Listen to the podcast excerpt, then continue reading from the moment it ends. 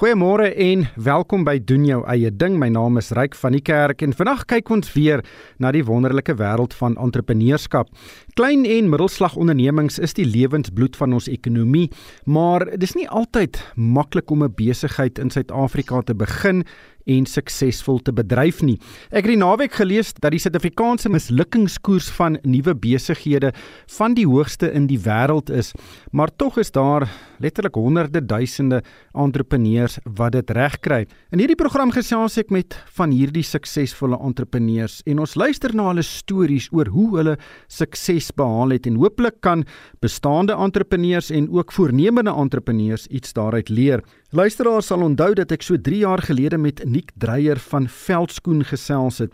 Nou dit is die besigheid wat die eg Suid-Afrikaanse veldskoen in 'n internasionale handelsnaam omskep het. Hulle het in 2016 as 'n klein internet skoenwinkel begin en vandag verkoop hulle hulle produkte in 32 lande reg oor die wêreld. My gas vanoggend is Drietjie Sondag. Sy is Veldskoen se uitvoerende hoof. Haar man was een van die stigterslede van Veldskoen. Sy is op die lyn Drietjie. Baie welkom by die program. Dit was 'n interessante 7 jaar vir Veldskoen, maar hoe lank is jy al by die besigheid betrokke? Hi Ryk, eerstens baie baie dankie dat jy met my gesels. Dit is so lekker om hier te wees.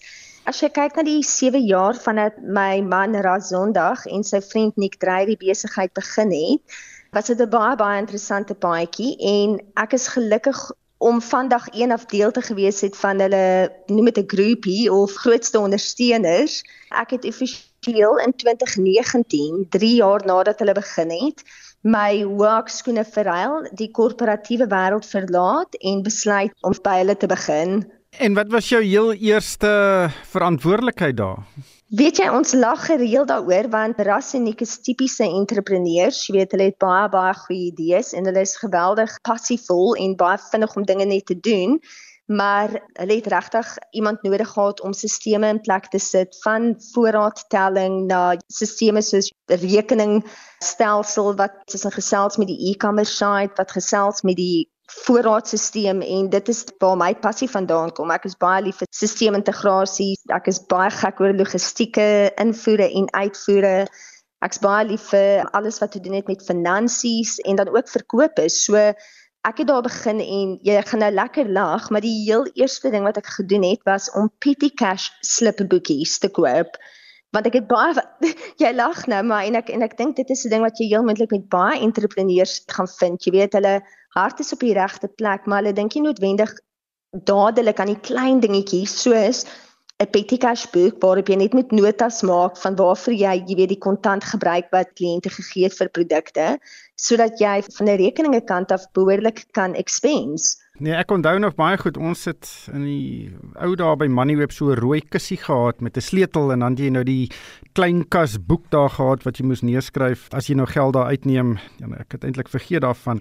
Maar Vir iemand wat nog nie van veldskoen gehoor het nie, wat maak dit so spesiaal om van 'n klein internetwinkel in Suid-Afrika te groei tot 'n besigheid wat in 32 lande reg oor die wêreld sake doen? Wat presies maak dit anders? Weet jy, Ryk, ek dink een van die dinge wat dit die belangrikste maak, is die feit dat veldskoene so eie Suid-Afrikaans en ek wil dit het amper 300 jare oue geskiedenis die rede hoekom Rasseniek, jy weet, gedink het dat veldskoene 'n goeie idee is, is regtig maar as jy teruggaan na die Olimpiese spele in 2016, waar ons atlete die enigste landse atlete is wat uitgeloop sonder om enige klere of skoene te dra wat gesê het, weet jy wat, ek is van Suid-Afrika. Hulle het uitgekom in Chinese sweetpakke en Chinese wit tekkies en hulle het net nie trots gelyk nie. So Russell het gedink aan iets wat reg Suid-Afrikaans is en tussen die eerste ding waarna hulle kon dink was regtig veldskoen. Die enigste ding is dat veldskoen op daai stadium maar redelik boring was in die sin van dit was net gemaak in breinleer met breinskoenveters, breinsole. Daar was niks regtig wat jy na dat kyk het en gedink het ek moet hierdie item in my kas hê nie. So hulle het letterlik maar net die kleure van die Suid-Afrikaanse vlag gevat rooi, groen, geel, blou en swart en besluit kom ons kyk hoe lyk dit as ons net die skoenveters en die swille verander en hulle het dadelik besef hierdie is 'n behoorlike wenresep. Ek gaan vir jou sê ek dink die belangrikste ding vir ons in ons maatskappy en weer eens een van die grootste redes hoekom hulle veldskoen gekies het is hulle het dadelik besef dat hierdie 'n fenominale impak op lokale vervaardiging kan veroorsaak as hulle dit reg kry. Nie net in die fabriek waar dit gemaak word nie, maar selfs in die hele supply chain. Ons maak seker dat ons leere, garings, alles wat lokaal beskikbaar is, word in Suid-Afrika gekoop sodat ons soveel as moontlik mense aanraak en soveel as moontlik nuwe werke kan skep. Waar is julle fabriek? En ek neem aan leer is seker die materiaal wat julle die meeste gebruik in die vervaardiging van daardie skoene. Verseker en weet jy en dis ook 'n interessante enetjie want ons wil natuurlik seker maak dat ons so sustainable as moontlik is. So ons het seker gemaak dat ons kies leer dis tanneries wat baie baie goeie dinge doen en een van die hooftanneries wat ons gebruik is Massips wat in Wellington hier in die Kaap is. En wat Massips baie uniek maak is dat al die leer wat ons by hulle koop is 'n byproduk van die vleisindustrie. So geen beeste word geslag net vir leer sodat jy skoene kan maak nie. Dit alles is 'n byproduk van die voedselrigting.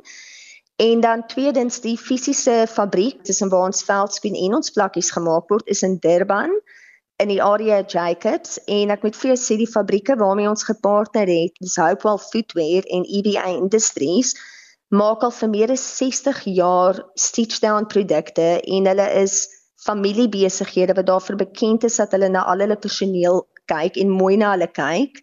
So ja, dit is vir ons baie belangrik om seker te maak dat die skoene op die regte manier gemaak word, weet goeie gehalte met Suid-Afrikaanse roumateriale. So julle kontrakteer die vervaardiging van hierdie produkte uit. Dis reg. Hoekom doen julle dit nie self nie? Hoekom bou julle nie julle eie fabriek nie? Kom ek sê vir jou en ek dink dit is weer eens weet as mense daaraan dink om jou eie besigheid te beken. Ek dink mense moet baie eerlik met jouself wees en besluit wat jou sterkpunte is en wat jou swakpunte is en ek sê altyd jy hoef nie goed te wees met alles wat jy doen nie, maar waar jy 'n punt het wat jy weet nie jou sterkpunt is nie, stel dan eerder iemand aan en maak seker dat jy mense rondom jou het wat dit kan doen. En wanneer jy kyk na 'n veldskoen in terme van produksie, jy moet onthou ek het genoem dat veldskoen het meer as 300 jaar se geskiedenis en hy was nog deur al die jare bekend as 'n baie gemaklike, fantastiese kwaliteitskoen. So die laaste ding wat ons ooit sal doen is om tussen hierdie fantastiese produk 'n slegte naam te gee en ons glo met ons hele hart dat 'n veldskoen moet gemaak word deur die fabriek wat dit behartig en die mense wat daarmee werk moet baie baie ondervinding hê. En ons sê dit nie. Ek bedoel weet nie een van ons in die besigheid het in 2016 enigiets geweet van skoene af nie. So ons los eerder daai tegniek vir 'n maatskappy soos Hopewell wat dit nou al vir oor die 50 jaar doen en waar ons weet hulle mense is heeltemal voorberei om hierdie kwaliteit produkte verskaf. So julle kry mense om die beste moontlike produkte verskaf en dit beteken dan julle is dan basies 100% in beheer van die bemarking en dit is seker die hart van die besigheid om hierdie goeie produk nou aan mense bloot te stel wat bereid is om taamlik duur daarvoor te betaal want die skoene is duur. Vertel ons van julle bemarkingsbenadering en hoekom dit werk en hoekom hierdie Suid-Afrikaanse produk internasionaal so gewild is. Weet jy dat jy nou letterlik die spyker op die kop geslaan en ek dink in enige besigheid is jou bemarking heel moontlik een van die heel belangrikste dinge om heeltemal reg te doen en reg te kry. En dit is weer eens die feit dat ons 'n fabriek het wat onder lisensie vir ons vervaardig. Dit stel ons vry om te doen waarmee ons goed is onder andere ons het die mees fantastiese bemarkingsspan. Ons het 'n dame Anna Greenfield wat die bemarkingsspan bestuur en onder haar leiding het ons senior copywriters, ons het senior paid advertising bestuurders, social media en content creators. En die rede hoekom dit alles so belangrik is is dat ons het besef dat as ons regtig weer eens 'n groot verskil wil maak in Suid-Afrikaanse vervaardiging, dan kan ons nie net in Suid-Afrika verkoop nie ons moet wêreldwyd gaan en een van die trotsste oomblikke vir ons is die feit dat ons in 32 verskillende lande fabrieke het wat ons skoene aanhou en in hulle lande verkoop. Maar nou weer eens dit help nie net om die skoen daar te kry nie, jy moet die storie reg vertel sodat mense moet 'n advertensie sien of lees van die skoen en hulle moet letterlik alles op sy sit om een van hierdie skoene te kry.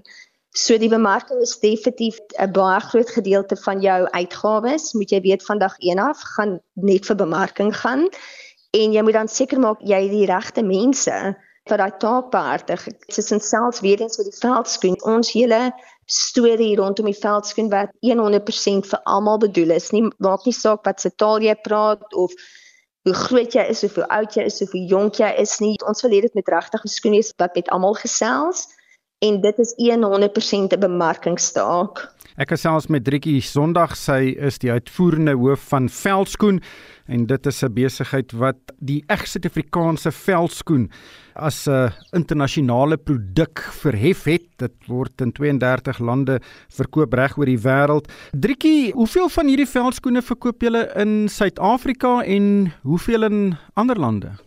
So op die oomblik, ek gaan met jou eerlik wees, net voor die Grendeltyd in 2020 Dis net ons snacks sal sê amper omtrent 70% van ons totale verkope was in Suid-Afrika. Ons het op daai stadium baie nuwe verhoudinge met groot plaaslike handelsstakke soos Woolworths ensovoorts aangegaan. En ons het gedink tussen dit gaan ons by ons goal bring en ons goal is net so dat jy weet om 1 miljoen paar skoene in 'n 12 maande periode te vervaardig en ons is so sterk op pad na dit toe maar dit was nog altyd ons doelwit. En toe die Grendeltyd aangebreek het, tussen was daar natuurlik so baie onsekerheid en meeste van die plaaslike handelsstakke het dadelik gesê, weet jy wat, kanselleer al ons bestellings, tussen ons kan dood eenvoudig nie enige eksterne branch aanhou nie. Ons gaan net na onsself kyk en dit was 'n ek kan jou indink dit was 'n geweldige stresvolle periode. Maar die goed wat uit dit uitgekom het is die feit dat ons teruggegaan na die tafel toe en gesê hoor hierso ons het nie hierdie besigheid begin om nou plat te lê nie. Ja, dit gaan moeilik wees. Dit gaan almal onder druk sit, maar wat kan ons doen om aan die gang te bly? En dit is toe ons besluit het om te fokus op uitvoere ook. En ons het letterlik in daai grendeltyd, ek sal sê tussen Maart 2020 en Desember 2020 het ons omtrent 20 lande opgeteken tussen waar ons 'n persoon gekry het wat 'n eksklusiewe handelaar gaan wees wat begin bulk voorraad invoer het in hulle lande. So julle dit deur winkels in die buiteland verkoop, nie net aanlyn nie. Ja, nee, so ons model met veldskoen, jy moet onthou een van die ander dinge is dat ons is baie positief vir Suid-Afrika en ons wil 'n positiewe spotlight skyn op al die goeie dinge wat nog steeds in die land gebeur en daar is baie. Soos byvoorbeeld die feit dat ons soveel talentvolle mense in ons fabrieke het. So wat ons doen is in al die ander lande waar ons is, volg hulle presies dieselfde model wat ons in Suid-Afrika het. Hulle begin met 'n aanlyn winkel waarmee ons bemarkingspan in Suid-Afrika hulle baie mooi help en dan van daar af gaan hulle in retail. So byvoorbeeld my distributor in Australië is in amper 45 verskillende retailwinkels en dan in dieselfde tydperk in Engeland en in Amerika. Oralste waar ons is, begin hulle aanlyn, dan gaan hulle in retail, dan begin hulle business to business doen waar maatskappye met die skoene verskaf sodat hulle staf dit as deel van hulle staf uniforms gebruik. Ons het 'n effense wenresep en dit is wat ons in al die lande doen. Nou julle voer die skoene uit veral Amerika toe onder die wet op groei en geleenthede in Afrika. Dis die AGOA wet en nou dis die wet wat die Amerikaners besig is om te hersien en Suid-Afrika kan dalk uitgeskop word en dit beteken julle gaan sekere heffingsvoordele verloor indien julle nog steeds sou uitvoer Amerika toe. Hoe bevoordeel hierdie wet julle tans en hoe gaan dit julle raak as Suid-Afrika uitgeskop word? Dit is 'n baie interessante punt, veral omdat ons verlede jaar die maatskappy is wat die AGOA eksporter of die jaar gewen het. So Amerika 'n baie baie groot konsentrasiepunt vir ons en ons het 'n lieflike groot warehouse in Atlanta. Ek vlieg intedeel Vrydag na Amerika toe om 'n besoek te gaan doen by ons fabriek by die warehouse daar. En rondom Agoba, daar's natuurlik baie baie groot voordele en ek ek dink ons is baie gelukkig om dit te kon gebruik solank as dit ons het. Maar ek gaan net vir jou sê ek is ongelooflik realisties en ek het vandag een af in my koste modelle in ag geneem tussen wat my duties sal wees as ek nie die trade agreement kan gebruik nie en ek het vandag een af seker gemaak dat ons eerder tot en met dan voordeel trek uit die effense groter margin wat ons maak sodat wanneer daai punt aanbreek wat nou actually lyk like asof dit 'n moontlikheid is, dat ons nog steeds okay gaan wees om aan te hou uitvoer Amerika toe. Maar hoeveel gaan julle van julle winsgrens verloor? Is dit 'n wesenlike persentasie?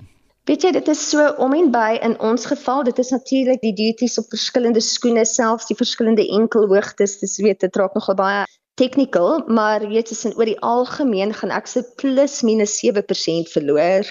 Ja, so dis dan nie so wesenlik nie. Dink jy dit is moontlik vir 'n ander Suid-Afrikaanse besigheid om 'n produk te vat wat reg Suid-Afrikaans is en dan dit in 'n internasionale handelsmerkte omskep. Of anders gestel, wat moet so 'n besigheid doen om dit reg te kry? Wat is die vernaamste uitdagings wat hulle moet oorkom?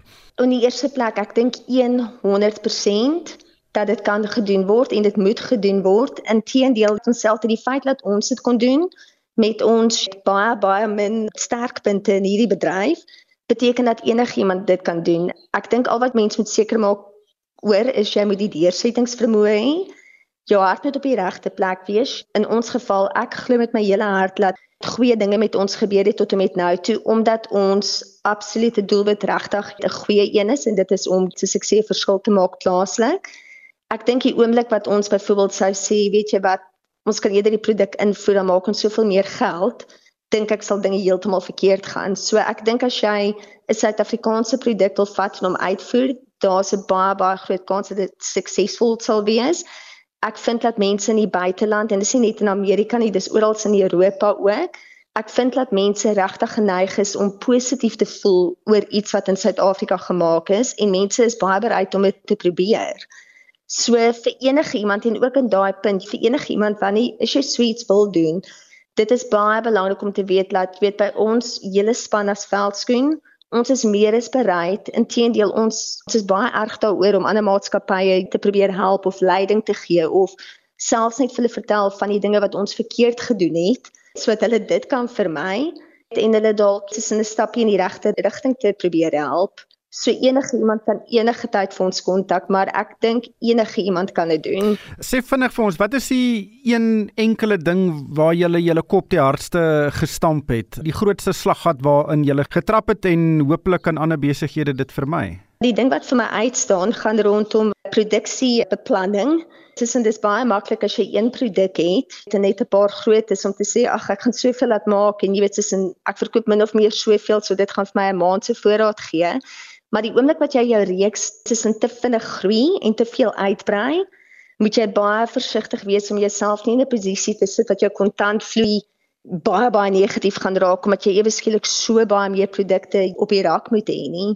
So ek sal definitief vir mense maan om tussen eerder mooi vooruit te beplan en nie te vinnig nuwe produkte by hulle huidige reeks te voeg nie want mense is geneig om te dink as ek gaan van 2 produkte na 20 produkte gaan ek soveel meer geld maak maar mense neem nie altyd in ag dat jy dan daai produkte moet vervaardig en betaal vir en in voorraad hou nie.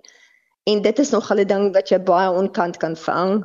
Ek moet sê julle het interessante produkopsies. Julle die tradisionele veldskoen en dan het julle 'n golfskoen van alle dinge en dan ook plakkies. Hoe het julle gekom van 'n gewone veldskoen by 'n golfskoen en toe later by 'n plakkie? Die plakkie het eintlik op dieselfde tyd as die veldskoen begin. Ons het net altyd gesê plakkie is veldskoen se ugly stiefsussie, want plakkie het nie aandag gekry nie, maar Die hele plan was om te kyk na tussen die tipe skoen wat meeste Suid-Afrikaners dra wat nie 'n Suid-Afrikaanse produk is nie. Met ander woorde met plakkies, I mean almal dra soos en ek wil ek sal nie die naam noem nie, maar almal dra 'n imported version van 'n plakkie wat baie oulik is, maar geen Suid-Afrikaanse fabriek of werknemers trek enige voordeel uit dit nie. So die plakkie was vir ons maklik. Kom ons vervaardig iets in Suid-Afrika weer eens waar ons voordeel trek as Suid-Afrikaners en ons maak net seker dat sy kwaliteit en gemaak beter is as die ingevoerde produk. En dan rondom die golfskoen, ek wil jy sal sien ons het selfs 'n effense dak Martin tipe skoen onlangs begin. Ons veldskoen Ranger boot en dit lyk glad nie soos jou tradisionele veldskoen nie, maar die rede vir al hierdie nuwe produkte is maar regtig weer eens die feit dat ons mark so geweldig gegroei het veral in die buiteland dat ons nou op 'n posisie is waar meeste van ons kliënte het die tradisionele veldskoen gekoop. Inteendeel, hulle het hom gekoop in 5 verskillende kleure ten minste En nou wil hulle meer hê. Nou sê hulle by die so ons ken die brand, ons vertrou die brand, ons weet hoe gemaklik hy is. So ek het nou meer opsies nodig. En dit is basies waar dit ingekom het. Ons luister na ons kliënte. Solank ons dit plaaslik kan vervaardig, dan gee ons vir die kliënte wat hulle wil hê. Ja, dit is 'n natuurlike proses om produkte uit te brei. Ek het dit ook al gesien by verskeie ander eh, besighede dat dit 'n groot fokus is, maar dit is 'n risiko as jy te vinnig groei dan kan dit vir jou probleme veroorsaak veral met kontantvloei want dan is jou uitgawes val jou aanvanklike uitgawes meer. Hoe het julle dit bestuur? Het julle op 'n stadium 'n vergadering gehou en gesê luister, ons moet nou nie te groot hou nie, ons moet groei binne ons perke. Hoe het julle dit benader? Weet jy so dit is tussen ek en my man en sy vriend. Ons gesels baie oor hierdie dinge en soos ek sê weer eens in ons maatskappy het ons verskillende sterktes. My man en sy vriend is gewoonlik die wat tussen net alles wil maak en inbring en nie regtig dink aan die enige nadelige effekte nie. Maar ek gelukkig is meer realistiese syfere persoon. So ek is die enetjie wat dan vir hulle sê dit klink nou 'n goeie idee, maar ek gaan soveel meer racking en shelving in ons distribusiesentrum nodig hê. Ek gaan soveel meer kontant nodig hê gebaseer op my produksie hoeveelheid en dan moet ek seker maak ek het soveel kontant om 3 maande se voorraad aan te hou. So gewoonlik aan die einde van wat ek vir hulle presies wys op papier, jy weet, is en wat die rand en syfers se kant vertel, is ons op 'n punt wat ons besluit het in plaas van 10 nuwe goederes bekendstel, 10 nuwe ranges, bestel ons miskien dan net een bekend. So ek kan met jou eerlik wees, ek dink dit is waar ek geseënd is met tussen ek hou van analises en ek doen baie vooruitbeplanning. Ek is baie betrokke in verkope, so ek het 'n redelike goeie idee van wat die kliënt wil hê. En ek dink dit is waar dit help. En die belangrikste ding is as ek ooit onseker is, dan los ek dit eerder. Nie vir altyd nie, maar dan paak ek 'n moontlike development. Net laastens, jy werk as die uitvoerende hoof van 'n maatskappy wat jou man begin het. En ek is seker hy is nog baie baie betrokke op 'n bedryfsvlak by die besigheid. Hoe werk daai dinamika en wat doen julle as julle koppe stamp en hoe verhoed julle dat enige ete byvoorbeeld in 'n direksievergadering ontaard? Dis 'n baie goeie punt. Weet jy, ek dink een van die belangrikste dinge om te noem, ek was seker die persoon wat die meeste getwyfel het dat familie en 'n besigheid 'n goeie weet dat dit kan werk. Maar ek dink wat ons gehelp het want selfs ons dogter werk by ons, so dis regtig 'n behoorlike familie besigheid. Wat vir ons help is dat ons elkeen het gelukkig baie verskillende sterkpunte En ek gaan dit nou in Engels sê, maar ons het vandag eendag gesê stay in your lane. So wanneer dit kom by finansies en logistieke, dan meng my man glad nie by my in nie, maar wanneer dit kom by enige iets bietjie meer bemarkingsverband, dan meng ek nie by hom in nie. So jy weet dit is deel van daai prinsip van ek weet waarmee ek goed is, ek weet waarmee hy goed is. Ek vertrou hom om te doen wat in sy lyn is en hy vertrou my om te doen wat in my lyn is. En so ver so far so good. So ja, so ek dink dit is maar die belangrikste ding. Ja, ek hoor wat jy sê. Ek dink nie dis seker altyd in die praktyk so maklik nie, maar dit klink of dit by julle werk. Maar Driekie baie baie dankie vir jou tyd vandag en regtig alle sterkte met veldskoen en mag baie buitelanders dit koop en Suid-Afrika so bevoordeel. Baie dankie Ryk, ek waardeer dit en mooi dag verder. Dit was dan Driekie Sondag. Sy is die uitvoerende hoof van Veldskoen. Sy is pas in hierdie rol aangestel in Veldskoene se besigheid wat die tradisionele veldskoen wat ons almal hier so in Suid-Afrika ken in 'n internasionale handelsnaam omskep het. Luisteraars kan vir my 'n e-pos stuur. My adres is ryk@moneyweb.co.za. En daarmee moet ons groet van my ryk van die kerk. Baie dankie vir die saamluister en ek hoop almal het 'n uitstekende Dinsdag verder.